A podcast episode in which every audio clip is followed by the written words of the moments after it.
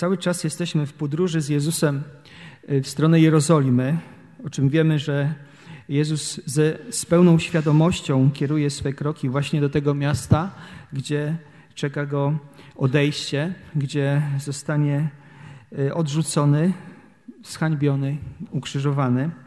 No i teraz po tym opisie, który był poprzednio y, omawiany i, i, i który czytaliśmy o tej wielkiej uczcie, y, o tym obiedzie, który miał miejsce w domu faryzeusza, Jezus opuścił już ten dom i idzie dalej w stronę Jerozolimy.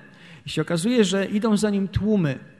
Tłumy, które y, no, otaczały go z różnych przyczyn na pewno. Natomiast y, ciekawe byłoby wiedzieć, jak wielkie były, były to tłumy. Czy to było 4 tysiące, 5 tysięcy, może 10 tysięcy.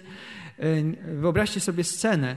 Idzie człowiek, idzie przy nim 12, 12 tych najbliższych jego uczniów, a za nimi Pięć, dziesięć, no ile tysięcy ludzi szło za Jezusem wtedy? Jak to musiało wyglądać, prawda, jeżeli oni szli tam z, z terenów e, Galilei w stronę właśnie Jerozolimy? E, na pewno było to niezwykłe. Wiemy z dwóch e, przynajmniej opisów, że raz Jezus nakarmił pięć tysięcy mężczyzn, raz cztery tysiące, nie licząc kobiet. Także możliwe, że było to nawet do ośmiu tysięcy, dziesięciu nawet niektórzy tak szacują na pewno było to coś niezwykłego. I teraz popatrzmy sobie, że y, ci ludzie, którzy szli za Jezusem, y, my dzisiaj rozumiemy tych ludzi. Powiedziałbym, że rozumiemy, bo, bo Jezus był na pewno kimś niezwykłym na miarę swoich czasów, ale w ogóle nawet na, na, na miarę, na miarę y, czasów w, w ogóle w historii.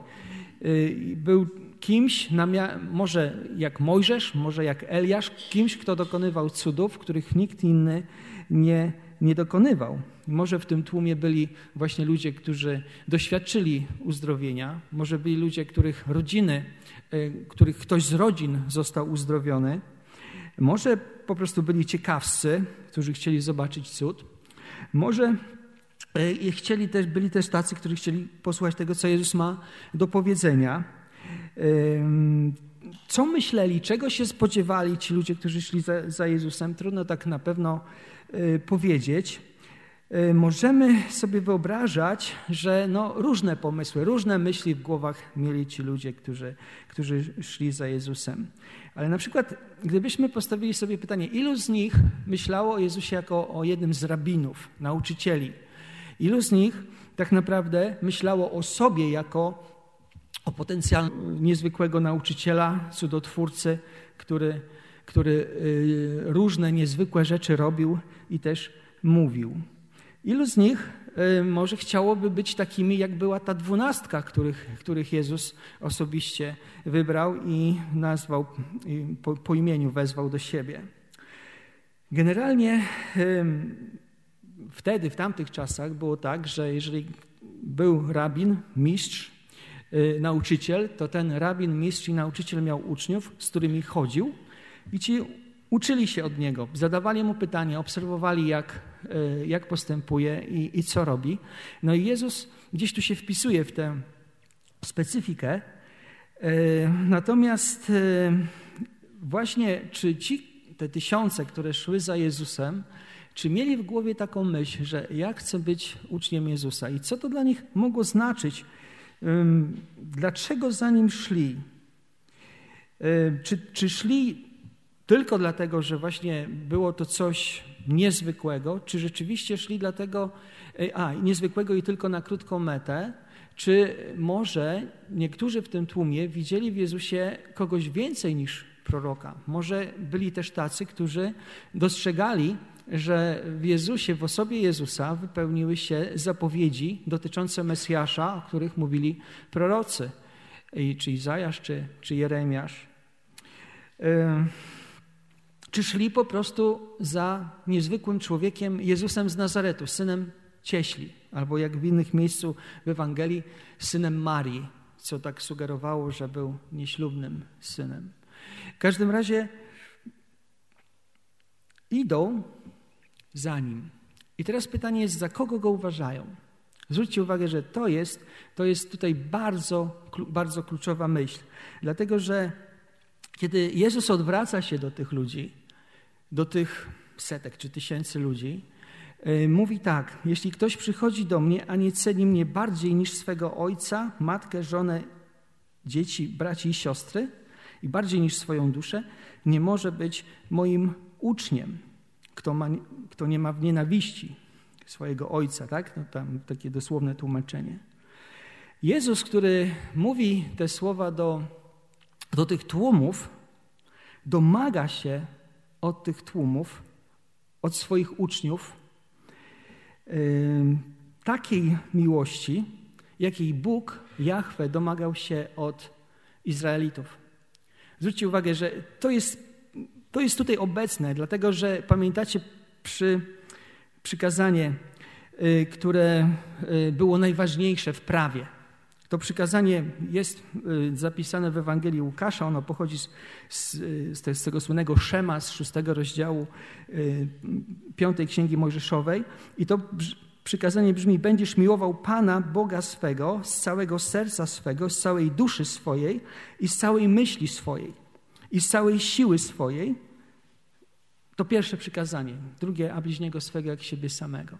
I teraz, kiedy Jezus mówi tutaj do nich, że y, jeżeli ktoś idzie za mną, ale nie kocha mnie mocniej niż ojca, matkę, żonę, braci, siostry, nie jest mnie godzien. To jest tak jakby z drugiej strony powtórzone pierwsze przykazanie. Dlaczego Jezus miał prawo tego żądać? Zobaczcie, jeżeli ktoś z nas, czy w naszych sytuacji, e, w naszym dzisiejszym świecie, jakiś nauczyciel, jakiś, nie wiem, mistrz cechu, nie wiem, szewców i miałby jakiegoś swojego ucznia i powiedział mi, słuchaj, musisz mnie kochać, szanować, cenić bardziej niż wszystkie inne relacje w twoim życiu uznalibyśmy go za nienormalnego. Prawda? Tego nie można wymagać od człowieka. Ale Bóg tego wymagał od Izraela i teraz Jezus wymaga tego od uczniów. I ma do tego prawo.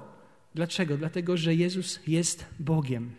Jezus jest Bogiem, jest Mesjaszem, jest Synem Bożym. O tym wiemy z reszty, z reszty Nowego Testamentu. I słowa, którymi się kieruje do tych tłumów, które idą za nim, to są słowa, które z jednej strony objawiają, że on jest Bogiem i ma prawo domagać się tego rodzaju miłości od tych, którzy idą za nim. A jeżeli ci, którzy idą za nim, kochają inne rzeczy bardziej niż jego, niż Boga, to nie mogą być jego uczniami. To nie mogą być jego uczniami. Ciekawe jest, tutaj, ciekawe jest też, że Y, w Starym Testamencie, jak, y, jak Jahwe, jak Bóg Jahwe, który się objawił Izraelitom, y, wyobrażał sobie to, tę miłość, którą Izrael mu okazuje, której, której chciał od Izraela. Tam jest mowa o tym, że Bóg chciał, aby Izraelici byli mu po prostu posłuszni, żeby wykonywali jego przykazania żeby, e, żeby nie szli drogą innych narodów, które czczą obce bóstwa, tylko żeby Boga słuchali, wykonywali przykazania Boga. Ciekawe, że Jezus też ujął to w taki sposób. To jest zapisane w Ewangelii e, Jana. W dwóch, w dwóch miejscach można to znaleźć. W 14 rozdziale, w 15 wersecie. Jezus mówi do swoich uczniów, już tutaj jest ta słynna mowa przed, przed Jego odejściem. Jeśli darzycie mnie miłością, będziecie wypełniać moje przykazania. I w drugim miejscu, 15 rozdział, jeśli wypełnicie moje przykazania, będziecie trwać w mojej miłości, jakie ja wypełniłem przykazania mego Ojca i trwam w Jego miłości.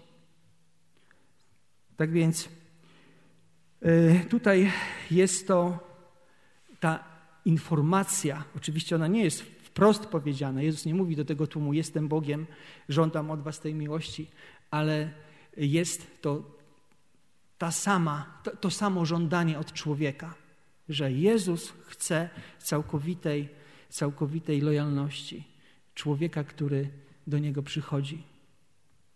I zauważcie, jeszcze tutaj jest mowa o tym, że e, bardziej niż swoją duszę, dosłownie właśnie trzeba to rozumieć tak, jak tłumaczenia to oddają, bardziej niż swoje życie. bo łaska Boga jest cenniejsza niż życie. I to zdanie jest troszeczkę mocniej e, wytłumaczone w następnym wersecie, kiedy, kiedy Jezus mówi o tym dźwiganiu krzyża. Kto idzie za mną, a nie dźwiga swojego krzyża, nie może być moim uczniem. To nie jest mowa o tym, że e, kto nie chce mieć problemów w życiu, czy każdy w życiu ma problemów. Ten krzyż, o którym tutaj Jezus mówi, to nie są problemy codziennego naszego życia. To nie są problemy w pracy, to nie są problemy e, relacyjne e, w domach, czasami są. Ktoś mówi, tak, mam krzyż pański tam z córką czy, czy, czy, czy z synem, tak? To nie są problemy ze zdrowiem. To nie są problemy normalnego ludzkiego egzystowania. Tutaj jest mowa o tym, że ci, którzy rzeczywiście myślą o sobie, że chcą być uczniami Jezusa Chrystusa, muszą być gotowi oddać swoje życie jako mm, wyraz swojej lojalności i miłości do Jezusa. To się wydaje dla nas może radykalne, zbyt radykalne. Nie można tego od człowieka wymagać, ale Jezus o tym mówił i mówi tutaj wprost po prostu o tym, że chce życia człowieka, który nazywać się będzie jego uczniem. Zauważcie, że tych dwunastu najbliższych, którzy, którzy byli, no, pomijając Judasza, yy, o, o, oni oddali swoje życie. Jan, który umarł y, śmiercią y, nie męczennika, tylko no, ze starości, ale też musiał, musiał y, znosić prześladowania, ale reszta została stricte zabita, będąc wiernymi Bogu, będąc świadkami Jego zmartwychwstania, mówiąc o tym, że, że Jezus zmartwychwstał. Paweł został ścięty, Piotr według tradycji Kościoła został powieszony głową do dołu, inni zostali w oleju, że tak powiem, ugotowani. No, to, to są straszne, ale tak, tak, tak, tak, tak tradycja Kościoła właśnie opowiada o tych pierwszych uczniach Jezusa Chrystusa. Oni nieśli za nim swój krzyż i nie wyparli się go w obliczu śmierci, która ich czekała. No i teraz zauważcie, takie wymaganie stawia Jezus tym, którzy za nim idą. I zadaje im pytanie, czy, czy chcecie ponieść taki koszt? Czy, chce, czy jesteście gotowi na taki, na taki koszt? Prawda? No i teraz. Yy, kto jest na taki koszt gotowy? Dwa następne takie y, porównania, czy, czy, czy, czy, takie krótkie przypowieści tutaj to ilustrują. Jedna o budowniczym, który buduje wieżę i Jezus mówi o tym, że, że musi, no, że, że generalnie, bo kto z was zabierając się do budowy wieży nie siada najpierw nie oblicza kosztów, czy wystarczy mu na jej wykończenie. Y, bo no, nikt nie pragnie, by się okazało, że po założeniu fundamentów zabrakło pieniędzy na dalsze prace. Nikt też nie chce być wyśmiany przez ludzi mówiących, ten człowiek zaczął budować, lecz nie był w stanie dokończyć. Słuchajcie, to nie jest coś takiego, że człowiek przewidzi problemy, które czekają go za kilka lat z powodu wiary w Jezusa Chrystusa. Ale może postanowić sobie w sercu, że cokolwiek w moim życiu będzie, moje serce będzie przy Bogu. Ja się nie wyprę Chrystusa i będę przy Nim trwał. To jest ten jeden koszt, powiedziałbym, którego Jezus wymaga.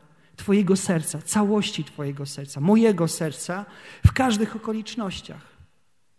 W pomyślności i w biedzie, w cierpieniu i w zdrowiu, w, w, w obfitości zaopatrzenia i, i w niedostatku serce człowieka, czy ono należy do Chrystusa w tych okolicznościach? Ucznia Chrystusa. Czy może okoliczności się zmieniają i zmienia się nastawienie serca?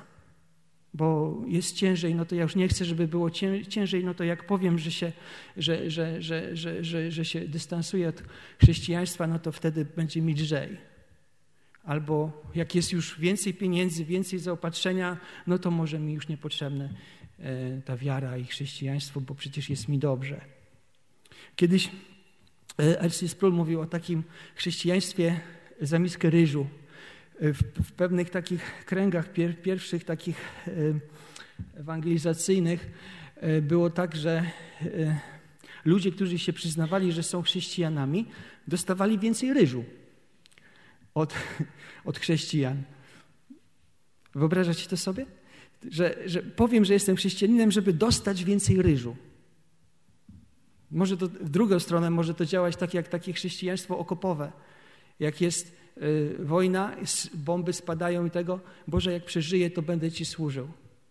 Tak? I, i, I co później, jak mija zagrożenie, co później, jak mija presja, czy, czy serce trwa przy Bogu, czy serce trwa przy Chrystusie, czy jestem cały Jego, bo On żąda tego ode mnie. Jeżeli mam być Jego uczniem, to On żąda ode mnie, żebym był cały Jego. Nie na trzy czwarte, nie na połowę, ale cały i gotowy nawet stracić swoje życie. Nie tylko yy, yy, być nazwanym uczniem, ale rzeczywiście być uczniem. Czy jestem gotów, by być mu całkowicie oddanym, by ponosić te trudy, które wychodzą, które wynikają z takiego oddania Chrystusowi? Każdy z nas nie chce na przykład e, stawiać czoła jakiemuś odrzuceniu. Odrzucenie jest paskudnym takim ludzkim doświadczeniem, że, że inni ludzie, rówieśnicy, sąsiedzi, czy coś odwracają się, czy rodzina wręcz odwraca się od człowieka, bo nie zgadza się z jego wiarą. Bo ten człowiek coś powiedział o nich. I wtedy, i wtedy co?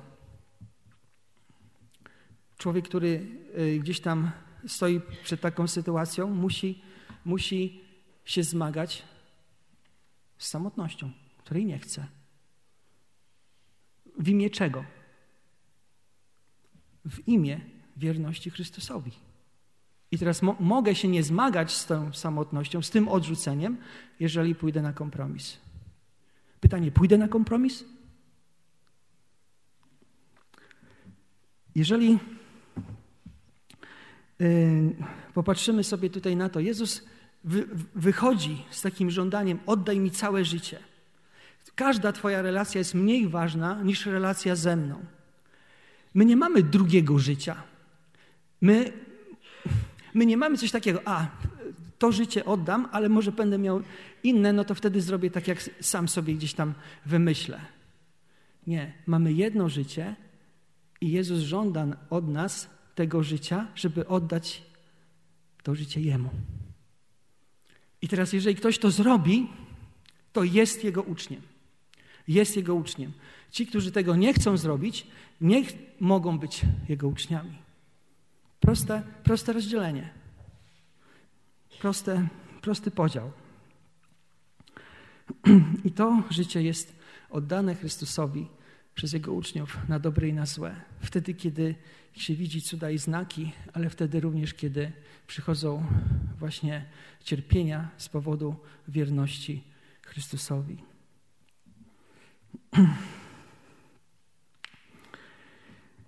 Jak idzie obliczanie kosztów uczniom? Mamy przykład w, w, właśnie w Nowym Testamencie Piotra, który, kiedy Jezus mówi do nich, Wszyscy się ode mnie odwrócicie, gdyż napisano uderzę pasterza, rozproszą się owce, lecz po moim zmartwychwstaniu wyprzedzę was w drodze do Galilei. To jest Marka 14 rozdział. Na te słowa Piotr oświadczył, choćby wszyscy się od ciebie odwrócili, ja nie. Wtedy Jezus mu odpowiedział, zapewniam cię, dziś tej nocy, zanim kogut dwukrotnie zapieje, trzykrotnie się mnie wyprzesz. Ale on tym bardziej zapewniał, nawet gdybym miał z tobą umrzeć, nie wyprę się ciebie. Podobnie utrzymywali wszyscy. I tak wiemy, że, że się stało, jak Jezus zapowiedział. Piotr, mimo tej deklaracji i zapewnienia, rzeczywiście zaparł się znajomości z Jezusem. My nie jesteśmy w stanie przewidzieć okoliczności, które będą za kilka lat, wyzwań, które staną przed każdym z nas za kilka lat, jak one będą trudne, jak będą ciężkie. jak się zachowamy, nie jesteśmy w stanie przewidzieć. Dopiero kiedy przez nie będziemy przechodzić, zobaczymy, jak się zachowujemy. Piotr się boleśnie o tym przekonał, ale to jest tak właśnie jak w tym wierszu Wisławy Szymborskiej w szkole omawianym. Wiersz nosi tytuł Minuta ciszy po Ludwice Wawrzyńskiej. Ona napisała tam: Tyle wiemy o sobie, ile nas sprawdzono. Chodziło o kobietę, która była pedagogiem szkolnym, no, pracowała w szkole, była pedagogzką i miała 47 lat w 1955 roku. Mieszkała w takim baraku, w takim hotelowcu i wybierała się do pracy i usłyszała, i to w radiu usłyszała, że gdzieś tam blisko tego miejsca, gdzie mieszka, jest pożar i w tym domu, gdzie jest, jest e, są zamknięte dzieci na klucz. Wzięła się kierę, rozbiła drzwi, y, wyciągnęła najpierw y, trójkę y, rodzeństwa, taką Anię, która miała 6 miesięcy, Ryszarda, który miał 2 lata i Elżbietę, która miała 3 lata. I potem jeszcze czwarte dziecko uratowała, to już nie, nie, nie, nie z tej samej rodziny, trzyletniego Marka, takie malutkie, malutkie dzieci. Ale w procesie potem doznała poparzeń takich, że, że już się nie udało jej e, uratować i 10 dni później zmarła. Nie tyle o sobie wiemy, ile o sobie myślimy ale wiemy o sobie tyle, właśnie jak to Wisława Szymborska podkreśliła, na ile nas sprawdzono. I teraz, na ile sprawdzono naszą wiarę w ogniu, w doświadczeniu, w trudach. Zobaczcie, tutaj Jezus mówi, jeżeli, jeżeli, e, jeżeli nie idziesz za mną, nie chcesz nieść krzyża, nie jesteś mnie godzien, nie możesz być moim uczniem.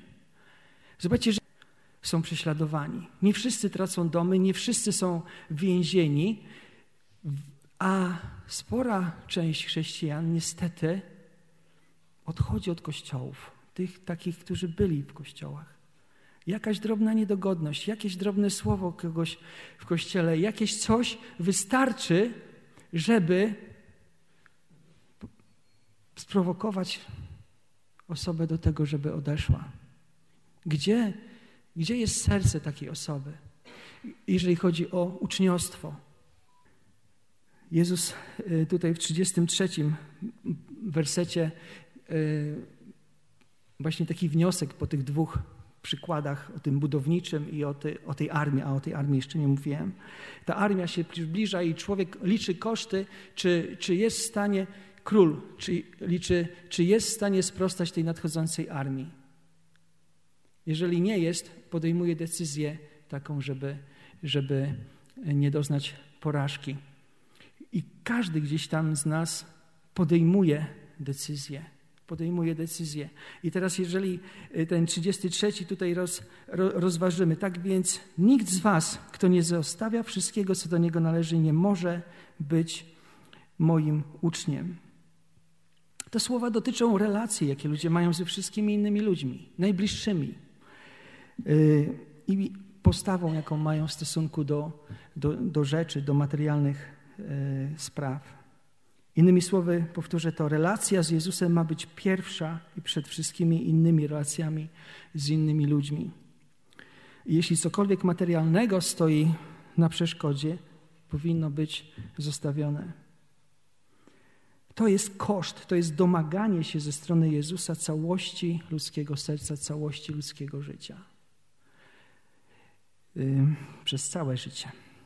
Nie tylko na chwilę, nie tylko przez jakiś moment, nie tylko przez kilka lat, ale przez całe życie. I uczeń Jezusa, jak y, popatrzycie na siebie, ja z pewnością patrzyłem na siebie i się zastanawiałem, y, to jest ktoś, kto oddał swoje serce, swoje życie, może nawet nie do końca wiedząc, nie do końca licząc, nie, nie umiejąc nawet policzyć tego kosztu, ale po czasie widzi, że to, co zrobił, było słuszne, dobre, pożyteczne, że to jest najlepsze, co mógł w swoim życiu zrobić.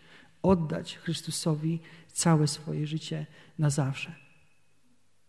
Być Jego uczniem na dobre i na złe, w trudach i znojach, w przeciwnościach i powodzeniach. To jest, to jest mądrość i zysk To jest błogosławieństwo, które przychodzi od samego Boga. No i to jest tylko wtedy możliwe, kiedy, kiedy uczeń rozumie i pojmuje, że Jezus jest Bogiem i że ta relacja rzeczywiście jest najważniejszą z relacji. Że jest tym, którego zapowiadali prorocy, że jest tym, który obdarza życiem wiecznym, dzięki któremu przebaczone są grzechy. Ale zobaczcie, że tak myśleć może tylko osoba na nowo narodzona. Tak nie myśli ktoś, kto, kto się nie narodził na nowo po prostu. Bo dla niego sprawy związane z, z wiarą, z odkupieniem, z, z nowym życiem, z wiecznym życiem, one nie są realne. To jest taka kategoria podobna do kategorii mitów w umyśle człowieka, kto, kto nie jest na nowo narodzony.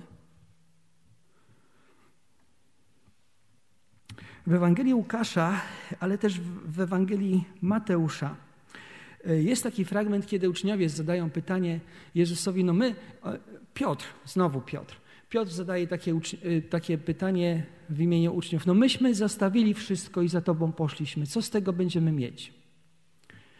I Jezus, e, Jezus odpowiedział, zapewniam was, nie ma takiego, kto by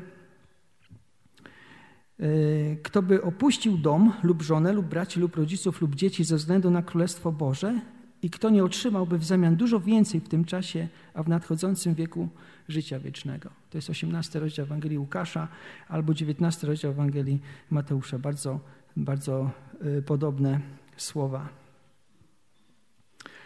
I rzeczywiście, myślę, że nikt kto autentycznie oddał swoje życie Chrystusowi, nie żałował tego. Nawet ci, którym przyszło znosić prześladowania, nawet ci, którzy zginęli, będąc wiernymi Chrystusowi, nie, powie, nie powiedzieliby, że żałują, że to zrobili. No i teraz e, fragment o soli. Tutaj 34 werset, kiedy czytamy tutaj, e, Jezus mówi, Dobrą rzeczą jest sól, lecz jeśli i sól zwietrzeje, czym przywraca się jej smak? Nie nadaje się ani do ziemi, ani do nawozu, wyrzuca się ją na śmieci. Kto ma uszy, aby słuchać, niech rozważy moje słowa. Osobiście myślę, że Jezus nie robi tutaj wykładu na temat soli, tylko na temat uczniostwa, na temat oddania się Mu. Bo zauważcie, że w, tutaj w Ewangelii Mateusza w piątym rozdziale bardzo wcześnie pojawia się e, to zdanie Jezusa o soli. Wy, i, I się zaczyna tak, wy jesteście solą ziemi, w tak zwanym kazaniu na górze. Gdyby sól zwietrzała, nikt smaku by jej nie przywracał. Nie ma jak nasolić soli, która nie jest solą, która nie soli. I tak mi się wydaje, że może trzeba to rozumieć właśnie w taki sposób, że albo się jest uczniem i albo się jest solą, albo się tylko ma taką nazwę, że się jest solą, ale się nie soli. I wtedy, jeżeli coś, wtedy nie było takich bardzo dokładnych y, sposobów jakby odseparowania soli od, od, od, y, od domieszek i czasami sól no po prostu nie była taka, taka czysta, jak my dzisiaj mamy. I teraz niektóre, niektóre substancje po prostu mogły przypominać sól, ale solą nie być. I wtedy coś takiego ani nie soli, czyli nie, takiego mięsa, załóżmy, nie konserwuje, nie, nie wzmacnia smaku, ani nie nadaje się, tutaj jest na nawóz. Tu jest tu po prostu y, mowa o tym, że taką sól y, chyba dodawano do, do, do obornika, żeby później to nawoziło, nawoziło ziemię. Po prostu się nie nadaje do niczego taka sól. Ale wydaje mi się, że taka sól nie jest solą. Z chemicznego punktu widzenia yy, sól nie jest solą, jeżeli zajdą reakcje. Taki przestanie być solą. No, sól pozostaje solą. I teraz, jeżeli, jeżeli odniesiemy to do, do uczniostwa, wydaje mi się, że właśnie Trzeba to w takich kategoriach patrzeć, że jeżeli jestem uczniem, to jestem oddany Chrystusowi na zawsze i wtedy jestem solą dla tego świata. A jeżeli, jeżeli nie jestem uczniem, Mogę sobie mówić o sobie, że jestem uczniem, ale nie ma we mnie wtedy tej soli, tej, tej, tej, tej jakości kogoś, kto rzeczywiście należy do Chrystusa. Tak więc, podsumowując, na zakończenie, jedynym wynikiem podsumowania kosztów czy podliczania kosztów jest określenie, czy dla relacji z Chrystusem jestem gotów oddać wszystko, co mam, czym dysponuję. Czy jestem gotów na to z tego względu, że Jezus jest Bogiem i w moim sercu, w moim rozumieniu, w moim pojmowaniu relacja z Nim jest ważniejsza od każdej innej relacji. Jest ważniejsza od relacji z dziećmi, od relacji z żoną, od relacji y, z najbliższą rodziną. Jest ważniejsza od zdobycia większych środków materialnych. Czy to jest. Y, Jezus ma żądać, ma prawo żądać od nas takiej totalnej lojalności, dlatego że jest Bogiem. Tak jak Bóg, Jahwe, żądał takiej lojalności od Izraelitów. Jeżeli mm, y, natomiast każdy z nas albo ja sam, mogę mówić o sobie, 29 lat minęło właściwie, kiedy się nawróciłem. E, I e, przez te 29 lat naprawdę doświadczyłem Bożej troski, łaski, opieki, ochrony, zaopatrzenia, błogosławieństwa. Mogę tylko mówić po prostu z perspektywy takiego kogoś, kto patrzy no, z perspektywy trzech dekad i wiem, że się nie zawiodłem. Nie powiem, że wszystkie lata, wszystkie okresy i wszystkie, wszystkie przeżycia były pozytywne, dobre i, i wspaniałe, bo tak nie było, ale w tych wszystkich, które przeszedłem, Bóg był ze mną, prowadził, strzegł i dalej jest, prowadzi i strzeże. Kiedy Jezus odpowiedział Piotrowi, że nie, e, że nie straci ten, kto jemu zaufa, że nie straci ten, kto pozostawi cokolwiek, to dostanie stokroć więcej. To mówił prawdę. I dzisiaj każdy z nas, kto stoi przed taką decyzją, czy oddać swoje życie Chrystusowi, czy go jeszcze nie oddać, czy, czy może boi się, że może straci jakieś relacje, czy z kolegami, czy z chłopakiem, czy z dziewczyną, czy, czy coś, to na podstawie tego słowa, na podstawie swojego doświadczenia mogę powiedzieć, że nie stracisz, jeżeli, jeżeli oddasz swoje życie Chrystusowi. Jeżeli rzeczywiście po podliczeniach wszystkich stwierdzisz, że chcesz, aby do końca swojego życia Twoje serce było całkowicie przy Chrystusie. Nie stracisz. Nie bój się. I teraz chciałbym, by by każdy z nas, kto to zrobił, by wiedział, że dobrze zrobił. Że, że jeżeli jesteś uczniem Chrystusa, to, to trwaj dalej w tym uczniostwie, w tym oddaniu, w tym poświęceniu. Nie daj się zniechęcić rozmaitym okolicznościom, rozmaitym sytuacjom. Pamiętaj, że ten, który wezwał Cię jako swojego ucznia, powiedział też, że Cię nie porzuci, nie opuści. Że dokończy dzieło, które w nas rozpoczął. List do Filipian 1,6. Warto mu zaufać.